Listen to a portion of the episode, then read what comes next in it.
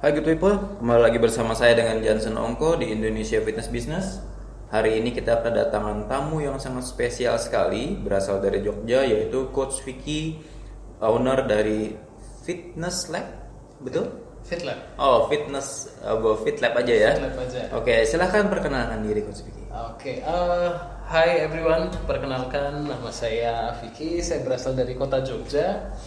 Eh, saya dapat kesempatan di sini untuk sedikit sharing. Ya. Hmm, kalau boleh tahu latar belakang Coach Vicky dulu nih. Oke, Eh, so saya akan memulai dengan going on record ya bahwa not many people notice, but saya sempat pernah menjadi korban bullying. Wow, When I was in school, pada saat saya sekolah di India, when I was in teens, umuran 15-16an, I see. Itu apa yang terjadi Coach? uh, jadi pada saat di- saya di sana itu saya dibully dari aspek appearance. Oke. Jadi, why do you look like that? Look like that means? Uh, I was fat. Oh, oke. Iya, Yes, yes, Oh, yes. overweight, overweight. I was Oke. fat. Ya, ya. So, and uh, waktu saya di sana, everyone was very vocal. Jadi mereka sangat verbal pada saat mengatakan, dude, you're fat. Hmm. Why are you like this? Do something about it. Hmm. Dan sempat menjadi uh, murid yang dikucilkan. Oke. Yes. Itu perasaannya kayak gimana waktu dikucilkan tuh maksudnya? Uh, Kayak, perasaannya akhirnya saya menjadi uh, low self esteem oke. dan waktu itu saya juga bukan karakter murid yang pinter-pinter amat. Hmm, Ya. oke. Salah satu alasan kenapa saya dikirim ke India karena memang I didn't perform well in Indonesia. I see. Masuk ke sana pun ujian Itu bahasa Inggris. usia berapa tuh? Itu usia 14, coach. 14 oke. 14. Masuk ke sana ujian bahasa Inggris tes masuk dari angka 100 saya cuma dapat 7. Oh, oke. 7 dari 100. 7 dari 100. Bukan 7 dari 10 ya? Bukan, bukan, Oke, luar biasa nilainya. Berarti 7%. 7 Oke.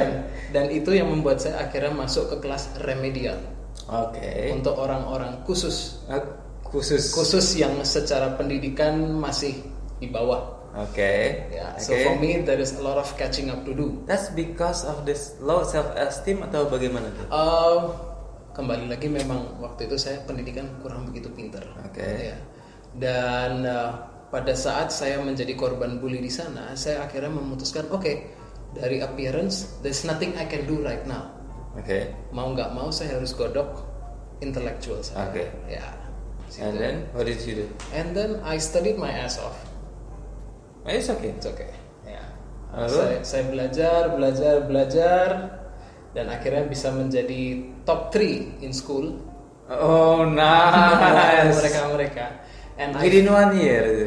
ah, no, in 3 years total. Jadi kelas uh, 1, 2, 3 SMA. Oke oke oke. Jadi oke. saya lulus di sana itu menjadi top 3 Wah luar biasa. dan itu akhirnya memunculkan the nerd in me. Oke Ya, jadi saya merasa nyaman dianggap sebagai orang pintar, oke. tapi nggak peduli penampilan.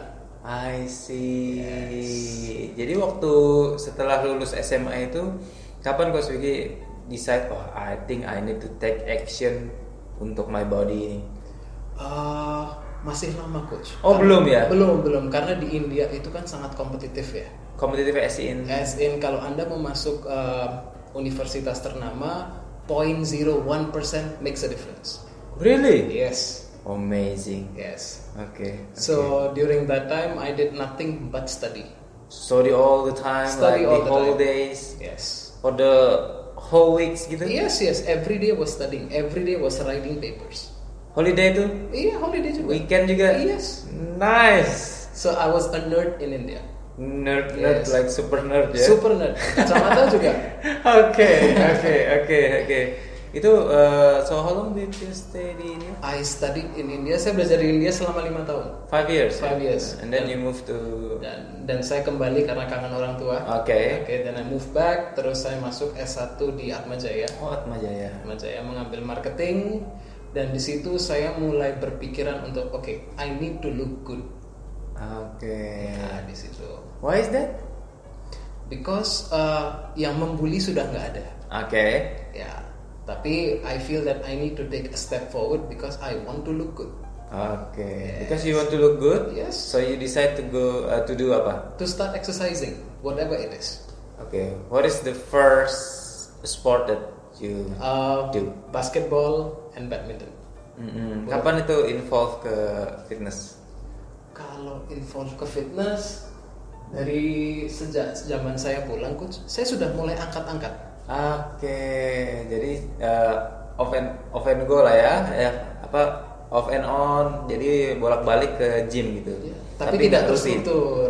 Oke, tidak rutin, oke. tidak terstruktur, hanya angkat asal-asalan deh. Apa yang bisa diangkat, angkat aja deh. Hmm, hmm, hmm, hmm, Iya, iya, hmm, iya. hmm. Because saya tidak tahu bahwa yang namanya fitness itu ada program yang harus disusun secara terstruktur. I see. Ya, itu berapa tahun setelah? Itu sampai 2013, 2012. 2012 and then you decide to get serious about fitness stuff lah ya. Not yet. Oh not yet, wah long way to go ya. 2012 I decided to get married. Oke. I decided to get married dan saya menikah di tahun 2013. Nah, the story begins in 2013 After after I wedding. came back from honeymoon. Oke oke oke oke. oke, Disitulah oke, saya oke, oke. memulai actual fitness journey saya. Kan kemarin waktu di Indonesia Business Summit don't ask why, don't ask how. So this is the why and how. Oke, why and how? Ya, ya. So uh, di tahun 2013 setelah saya pulang honeymoon itu saya melihat snapshot foto saya. And man, saya tidak suka apa yang saya lihat. Hmm. Saya naik ke atas timbangan, saya naik dalam 3 minggu 15 kilo. What went wrong? Amazing. Well, technically I enjoyed honeymoon. Cuma yang saya tidak tahu waktu itu adalah sleep makes a big difference when it Okay. comes to weight management. Sleep can cause binge eating. Oke. sleep can cause cravings. Oke. Nah, itu itu yang saya tidak tahu sebelumnya bahwa yang ada ada faktor sleep yang saya harus perhatikan. Jadi selama honeymoon itu lack of sleep terus. Jet lag coach. Oke. Dari sini yang kebiasaan jam 6 sore itu sudah matahari terbenam, waktu di Eropa saya honeymoon itu jam 10 masih ada matahari. Oke. Jadi oke, sistem saya keganggu. Oke. So craving for food Makan jadinya. terus. Dan comfort food chips, Iya. Kalau eh, pizza. oke, caloric dense food ya. Yes. For three weeks in a row. Three weeks in a row. Luar biasa. ya. ini. 20, 21 hari 15 kilo coach That's just crazy. I mean, Crazy. satu kilo tujuh ribu kalori, and then you can like getting apa? 15 kilos ya? 15 kilos That's six. Oh pantesan. Jadi setelah pulang itu lihat transformation between. lihat foto saya terus saya pikir no I cannot look like this mindset saya coach waktu itu masih I cannot look like this Oke.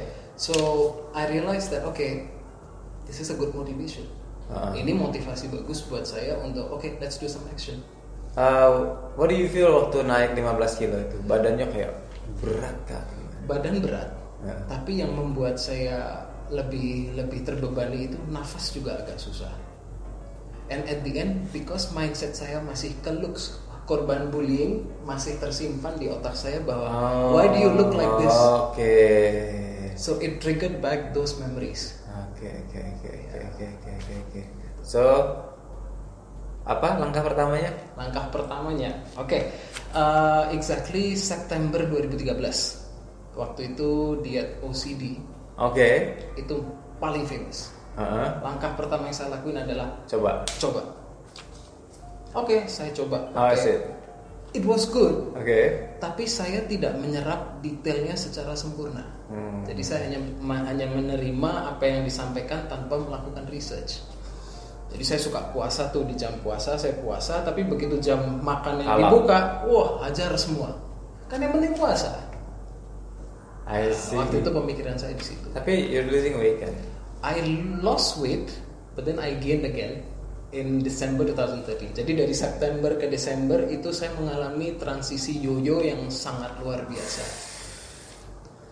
Mood pasti naik turun banget. Wah, that's Waduh. huge. How you feel? Uh, back then I was thinking that ini harusnya berhasil kenapa enggak? I see. I was about to slip into depression. Hmm. Like why is this not working? Cardio saya kencengin. treadmill saya hajar sampai 3 kilo itu 3 kilo pembukaan, 3 kilo penutupan, tengah-tengah latihan beban itu pun asal-asal ngangkat. Masih belum pakai trainer waktu itu. Much effort ya. Yes. And then next next stepnya Uh, next stepnya sampai Desember Yoyo 2014 akhirnya I met my trainer oke. namanya uh, Coach Benny who Okay. is now my business partner. Aha. He taught me training. Strength training. He taught me how to live properly. Oh nice. He taught he taught me how to exercise properly, Oke. and he also taught me how to eat properly. Nice. So I I I'm grateful to him. Gara-gara Coach Benny inilah akhirnya saya mendapatkan satu edukasi bahwa first of all it's a long term Oke. process. Oke. Go easy, Oke. stick with the basics, and just have fun. Nice. Yeah. You have a good coach. Yes, I am. I am. I'm very grateful. Makanya jadi and- business partner ya. Yes.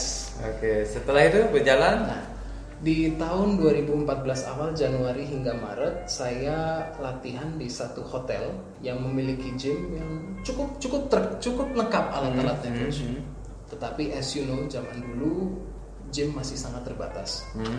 Dan itu yang menyebabkan akhirnya setiap kali saya mau latihan the place is crowded, Crowded, very crowded. Oke. very crowded dan dengan orang-orang yang berotot besar. Oke. Oke. Oke. Bukan salah mereka punya otot besar. Yes. Salah saya merasa terintimidasi. Yes. ya kan? It's Yes. it's good. In fact, I look up to them. Aha. Like, wow, you have a good body, man. I wish I can have a body like yours. Tapi dari satu sisi, saya waktu itu masih merasa insecure. Saya masih merasa insecure dan akhirnya saya memutuskan I cannot train in this place. I see.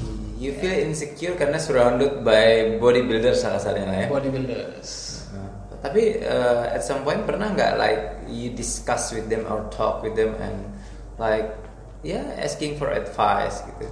Ah, tidak juga coach, karena saya sudah bertemu dengan coach Benny. Ah, I see. Jadi biarpun waktu itu Coach Benny sudah mengajarkan saya cara-cara yang eh, yang seharusnya saya lakukan, tapi that insecurity masih ada ah, so, dan itu overpower.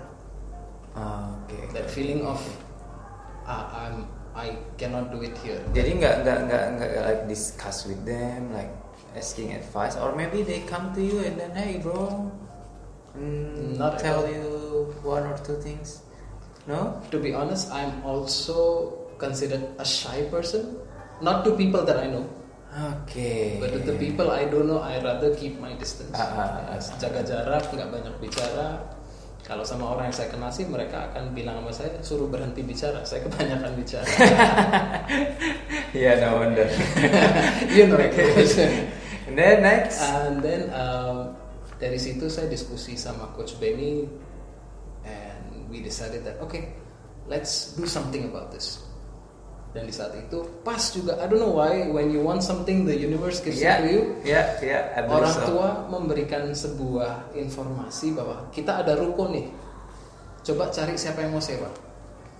Dan I asked them, saya tanya, "Ya, Pap, boleh nggak kalau rukonya dipakai for my personal use? Buat apa? Mau jadiin gym. I don't know what to say. Are you sure? Ya Pap, di sana nggak bisa latihan, orangnya gede-gede. Minder. I actually use the word minder. Oke. Yeah. And then dad was like, ya udah use it aja. Oke. Daripada nggak Daripada kepake, membazir. pakai aja. Oke. Itu tahun berapa? Coach? Itu tahun 2014 di bulan Maret, 2014 Maret ya. tanggal 14. Wah, 14 Maret 2014. 2014. And that's when Perigon came into existence. Why Perigon namanya? Uh, Perigon uh, means space. Oke. I wanted space. To train. Oh, hence the name The name Perigon. Perigon, space. Oke. And uh, karena itu adalah gym yang akhirnya saya buat dengan modal sendiri. Oke. And during that time I had no job. I was Oke, jobless. Oke. Uh, I did not want to use parents' money, Oke. ego. Oke. So let me see what I can do with how much money I have. So, kita buka sebuah gym untuk kepentingan saya pribadi. Hmm. Tidak ada kepikiran untuk melayani orang-orang di luar sana. Yeah, Just yeah, for my yeah. ya, own Space, satisfaction. yeah, space My for you. Kita mulai dengan equipment yang sangat minim. Oke, Suspension trainer, oke, one bench, oke.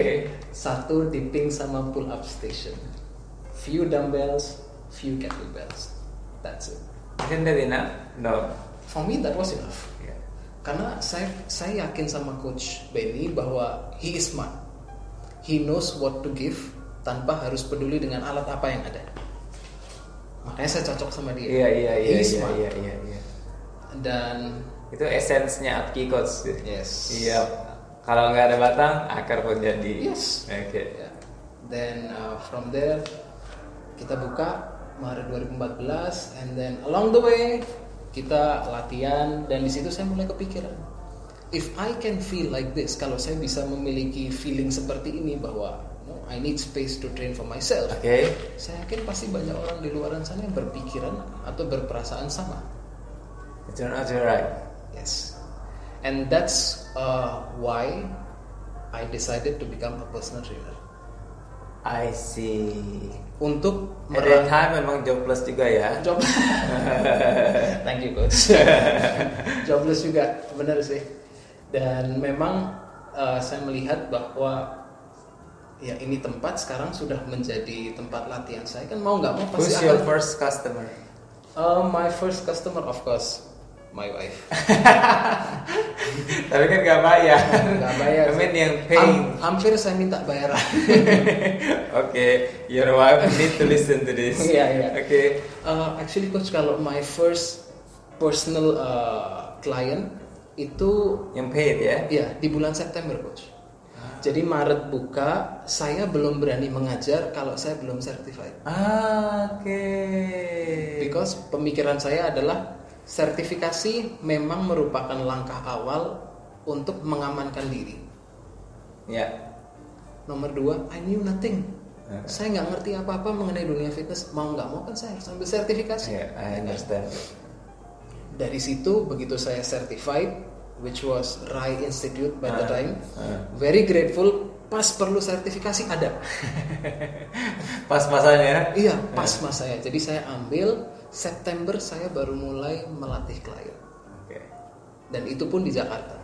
Oh, really? Yes. Bukan di Oh, di rumah Jakarta. Di rumah Jakarta. Paragon masih Pericon eksis jalan. Kita sudah mendapatkan tim uh, mereka-mereka yang memang Trainers? passionate. Trainers kita dapat dari uh, kampus UNY. Oke. Karena memang kita juga mencari mereka-mereka yang at least sudah punya basic di Olahraga. kebugaran, olahraga. Dan ya. Dan itu saya tidak berani mengajar sebelum certified. So after that setelah lulus dari Rai Institute itu langsung pulang ke Jogja anda? Uh, Rai Institute kebetulan waktu itu diadakan di Jogja. I Di see. Jogja, terus uh, akhirnya saya ambil pelatihan, lulus dengan nilai yang memuaskan, Hmm. tapi tidak langsung mengajar, masih belajar dulu. Because menurut saya certification itu langkah awal, tapi kalau anda tidak punya personal touch-nya, skillnya untuk approach, skill untuk akhirnya bisa menerima orang-orang dengan yang vulnerable, Berarti soft skill. ya soft skill atau Soft skill. eh, art side-nya lah ya. Outside. Ya, so saya dalamin itunya Itu dulu. eh, belajarnya gimana? Formal kah atau gimana? Ah, saya baca buku coach. I see. Saya baca buku dan em, beranjak dari pengalaman saya waktu di Jakarta sempat bekerja sebagai konsultan keuangan dan harus deal sama orang juga dan berinteraksi itu bermanfaat sekali buat saya. Jadi hanya untuk Menajam menajam soft skill itu ya. soft skill. And then when do you decide to become uh, professional sebagai fitness coach? September 2014. Oh, setahun kemudian. 2014, few months later. Oh, few months later. Few months later dengan mengeluarkan program wedding bootcamp. Oh, that's your first. Yes. Okay. So my Now that makes sense. first my first venture as a personal trainer itu di Jakarta dengan konsep wedding bootcamp. Itu pun ada alasannya coach. Hai. Eh, pada saat saya persiapan pernikahan sendiri, itu saya mati-matian latihan. Only to look good, Oke. short term. Oke. short term goal only to look good to fit in the clothes Ya. ya kan Ya. karena waktu itu stres tinggi lu makan sana sini takutnya kan kalori surplus terlalu banyak akhirnya baju tidak muat terus saya berpikiran kalau saya waktu itu Struggle. mau mati-matian mau latihan pasti banyak juga orang yang seperti Hmm. ini That makes sense. that's how wedding bootcamp Makes sense. came into existence dan program ini eksis sampai sekarang So how was it the first wedding bootcamp? Went well? super well Super well. cuma saya nervousnya luar biasa Of course, it's your first. yes Tapi the, the client satisfied and then oh they are very satisfied like everybody knows about it. And then uh yes they told everyone. yes yes For you. saya bukan orang Jakarta coach Eh, itu sebabnya saya kurang begitu tahu siapa kalangan India yang ada di Jakarta Okay. saya kenal mereka dari bootcamp semakin kenal dan semakin dikenal dari bootcamp Okay. jadi It's saya not because you're Indian and then everybody knows you, Because- but because of the bootcamp. Yes. Jadi sekarang Amazing. kalau kalau di Jakarta itu ada yang suka ketemu misalnya sama kakak saya. Yo, you are Vicky's uh, sister, right? Padahal kakak saya sudah di Jakarta lebih lama dari saya. Oh my goodness. For me it's an achievement. it is an This is achievement. an achievement. Gitu. Oh yeah, yeah, something you feel proud of Very ya. proud. Very Okay. proud. So what's next setelah wedding bootcamp berjalan? Setelah wedding bootcamp berjalan, saya tetap mengambil sertifikasi because I know banyak player di luaran sana yang lebih kompeten dari Ah. saya. Dan So what is your next uh, certification? Sal? Certification yang saya ambil itu saya ambil di Dubai. Uh-huh. Saya ambil suspension training, Oke. saya ambil fat loss specialization, terus saya ambil YMCA fitness trainer, Oh IMCA ya, I know. terus saya ambil juga dari Singapura, Ah. uh, NCSF. Ah. Itu saya ambil. How about how about the YCMA? Itu lebih ke fitness instructor Yes, Yeah. right. dan saya general, general. Yeah, very general. general. I've seen the materials. Yes. Dan saya hampir mengambil, hampir mendalami yang uh, gym for kids. Oke. karena Youth, ya. youth. Tapi waktu itu masih belum dapat fokusnya ke sana. Oke. Memang belum ada willingnessnya juga. Belum, belum, belum. Ya. For me uh, itu lebih ke general population yang seperti saya. Hmm. End user yang merasa terintimidasi, feeling self esteemnya rendah karena The, dibully. the YMCA itu uh, lebih ke theoretical or practical? Teori. Teori. ya? Teori, teori. Kalau yang di Singapura, Itu juga teori. NS, NCSF. NCSN. NCSF. Itu uh, saya mengambil untuk memperpanjang CFT saya. Waktu itu dari Ah. dari uh, Ra Institute sudah hampir habis. Hmm. So saya tidak mengambil dari Ra Institute lagi, saya coba mengambil dari luar negeri karena pemikirannya kalau luar negeri The kan YMCA one. YMCA sama NCSF. Oke. Karena mindset saya waktu itu masih Tapi I've seen several and then I've attend several juga. I've took several uh, ini ya, international certification for personal trainers karena mostly emphasize on the theoretical. And then dari semua itu yang paling eh, apa yang banyak praktikalnya mana? well to be honest Apki. That is so true. Kecuali memang practical Yes. certification like Yes. suspension training. Yes. Okay, okay, okay, okay. Yes. And uh, what's your take after ngambil beberapa? You can compare between what we teach di API sama yang di YMCA and and NCSF. NCSF itu. Eh, yang saya lihat ya coach, ya, perbandingannya terlihat jelas ya bahwa di sini itu it's a it's a balanced mix dari teori dan praktek. Hmm. And biarpun di YMCA sama NCSF itu memang patokan standarnya juga let's say 70%, Hmm. tapi di sini ada faktor teachingnya yang di sana nggak ada. Hmm. So almost anyone yang belajar dari awal itu bisa dapat teori bagus, nilainya bisa tinggi. True. Tapi kalau secara praktek mereka tidak menguasai, Bye. bahaya. Betul. no, you know that. uh, Yes, yes, yes. You got it. That is why um, pada tahun ini ini saya sedikit flashback ya coach ya. Di 2016 pada saat FitLab akhirnya came into existence, my second baby Why? What this? Uh, what's uh, you know the, apa ya? What motivates you to open the second branch? To be honest, coach, uh, waktu itu family buka hotel Okay, dan saya melihat bahwa a space. gym itu bisa menjadi salah satu bisnis unit dari hotel. Selama ini kebanyakan hotel itu menggunakan gym sebagai pelengkap. Betul. Tapi saya melihat ada satu celah hotel yang memiliki gym yang dijadikan sebagai Yang bisnis built unit. properly ya. Yes. Nama FitLab itu muncul karena ada dua faktor sih Coach. Yang pertama, saya diminta sama pemegang saham hotel untuk menaruh alat-alat konvensional. Oke. Tadinya kalau tidak pakai alat konvensional, saya akan menamakan sama Perigon. Oke. Which by the way, Perigon merupakan satu-satunya gym di Jogja yang tidak menggunakan alat konvensional till now. Hmm. Dan itu menjadi USP kita. Hmm. Nah, FitLab tadinya mau kita namakan Perigon juga. But because ada request dari shareholder untuk memiliki alat-alat konvensional seperti treadmill, Typical hotels. so we named it FitLab. Dari situ saya kepikiran bahwa Why FitLab? I mean, all from apa? Dari, dari semua all names and then you choose FitLab like lab is like laboratoriums like science very scientific. Yes, because fitness can be achieved through scientific methods. I see. Tidak Jadi Itu bisa. lebih ke apa ya? Your principle ya. Yes, Nah, approach ilmiah dan selama ini itu yang saya dapat dari Coach Benny juga. Approachnya ilmiah, ada reasoningnya, tidak mau abal-abalan. Nah, That's very nice. Yes, Uh, hence the name FitLab ya. fit lab. Oke, oke. Can you tell me about FitLab itself? Maksudnya eh, apa yang membedakan dengan selain alat ya, membedakan dengan Perigon itself? Kemudian bagaimana? Ya pasti adalah ups and downs dari Oh iya, FitLab itu sendiri. yes, yes, yes. Oke, so perbedaan utamanya ya coach ya. Kalau di fit lab itu kita lebih menarget ke specific uh, general population. Dari segi segmentasi usia juga kita bisa masuk ke usia yang lebih senior. Ah, Oke. Karena alat-alatnya juga lebih user friendly. Mereka tidak perlu melakukan Berarti semua- Perigon not, not user friendly. ya? Untuk mereka yang tidak terbiasa harus ada coach Oke. yang mengarahkan. Ya.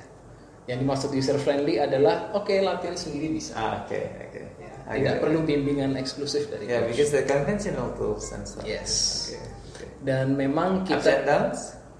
banyak coach, banyak. Dan yang paling berkesan daun saya terutama eh, kalau di Perigon itu di tahun pertama minusnya selama 12 bulan oke karena mau menjelaskan konsep yang baru tanpa alat itu Definitely. merupakan satu challenge. definitely Kalau di FitLab itu karena kita sudah banyak gym yang buka conventional tuh oke di dekat-dekatnya FitLab di Jalan Magelang. dan eh, dengan harga yang waktu itu saya Buat patok premium ya quite premium. oke berapa Eh, waktu itu saya pasang di harga 400 sampai 500-an per bulan. I see untuk Jogja itu mungkin cukup tinggi Yes. so how is it So di FitLab di awal-awal memang lebih stabil dibanding dibanding eh, Perigon. oke Tapi memang di Jogja itu kan kota mahasiswa ya. Oke. Cukup didominasi oleh mahasiswa. iya ya pendapatannya juga ya Jadi bisnis 12 bulan itu bisa dibilang kita berbisnis hanya 10 sampai 9 bulan. oke karena sisanya liburan Sisanya liburan. Ya. oh itu downsnya ya Kalau saya di situ. jadi ada seasonal Yes. yes, Kalau yes. untuk price-nya sendiri itu kalau menurut saya sih 400.000 rupiah itu buat kota pelajar dan makanan yang murah yang mungkin quite challenging. quite challenging. So how do you come up with the strategy to invite them? Eh, waktu itu saya melakukan of course discount Oh discount. promo waktu itu. Sampai akhirnya saya dengan tim mendapatkan satu harga yang udah ini harga patokan.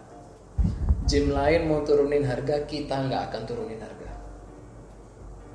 Karena prinsipal kita coach dari dulu adalah tingkatin SDM. And kenapa sampai ada harga patokan itu muncul? Karena kalau less than this nomboknya luar biasa. Kita nggak bisa makan coach. Sebagai business owner kita nggak bisa makan. Ya, ya. Yes, we want to serve people. That is true. But it does not mean Doesn't make sense ya kalau misalnya sacrifice. a lot to be Yeah. sacrificed. Yeah. Apalagi ini saya harus melapor ke shareholder. Uh-uh. Jadi kan Like, it's it's my duty also.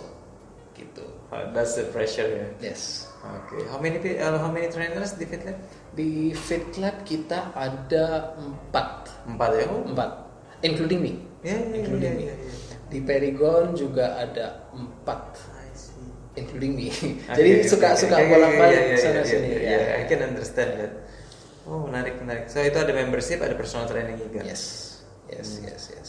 Kalau ada yang bisa di share ke sesama business owner nih eh, berdasarkan your experience with Verigan and FitLab, selain eh, tadi kualitas SDM, what else? Menurut saya that's the most important thing, Hmm, coach. I know. SDM. Yang pasti adalah Second important, second important adalah keep the place cozy cozy place. because we want the member to feel at home. Oke, how do you make uh, that place become cozy? Karena at some point people might still think that place as hotel. Hmm. Jadi kayak hmm, kalau menurut saya pribadi ya akan sulit untuk satu hotel akan terasa homey. So what did you do? Hmm. Jadi eh, yang kita lakukan adalah kita menambahkan di dekat poolside itu kita jadiin tempat nongkrong, I see. tempat nongkrong, small cafe. Oh. They can just sit. So chit-chat. kalau ini di value perception ini yang namanya kita sebut dengan service. service, ya, Yeah. Tangible and you can feel it too. yes. Kalau quality intangible only can Only you can feel it. Oh, oke. Jadi Q-nya you keep improving your SDM. Yes. S-nya adalah you add some like tempat nongkrong Yes. and then anything yang make them feel homey. Yes. Of course the service itself misalnya coach-nya friendly and stuff Yes. like that. That's very true. That's I very true. see. That's a very very good input Uh, untuk FitLab sendiri. uh, ini kan sudah menjadi bisa dibilang sudah dua kali certified fitness training eh, certification sudah diadakan di sana. Yes. And then uh, saya kan kemarin ada juga minta coach Vicky ini develop uh, a program of uh, workshop or education nih. Now maybe you can share with us di sini. Oke. Mumpung. Oke. Eh, jadi eh, sangat beruntung sekali saya Ah. bisa dipercaya sama Hapki Sama-sama sama-sama. untuk bisa menciptakan satu continuous education course dan course ini nanti eh, akan bertitle Ya, Yes. Fitness Formula.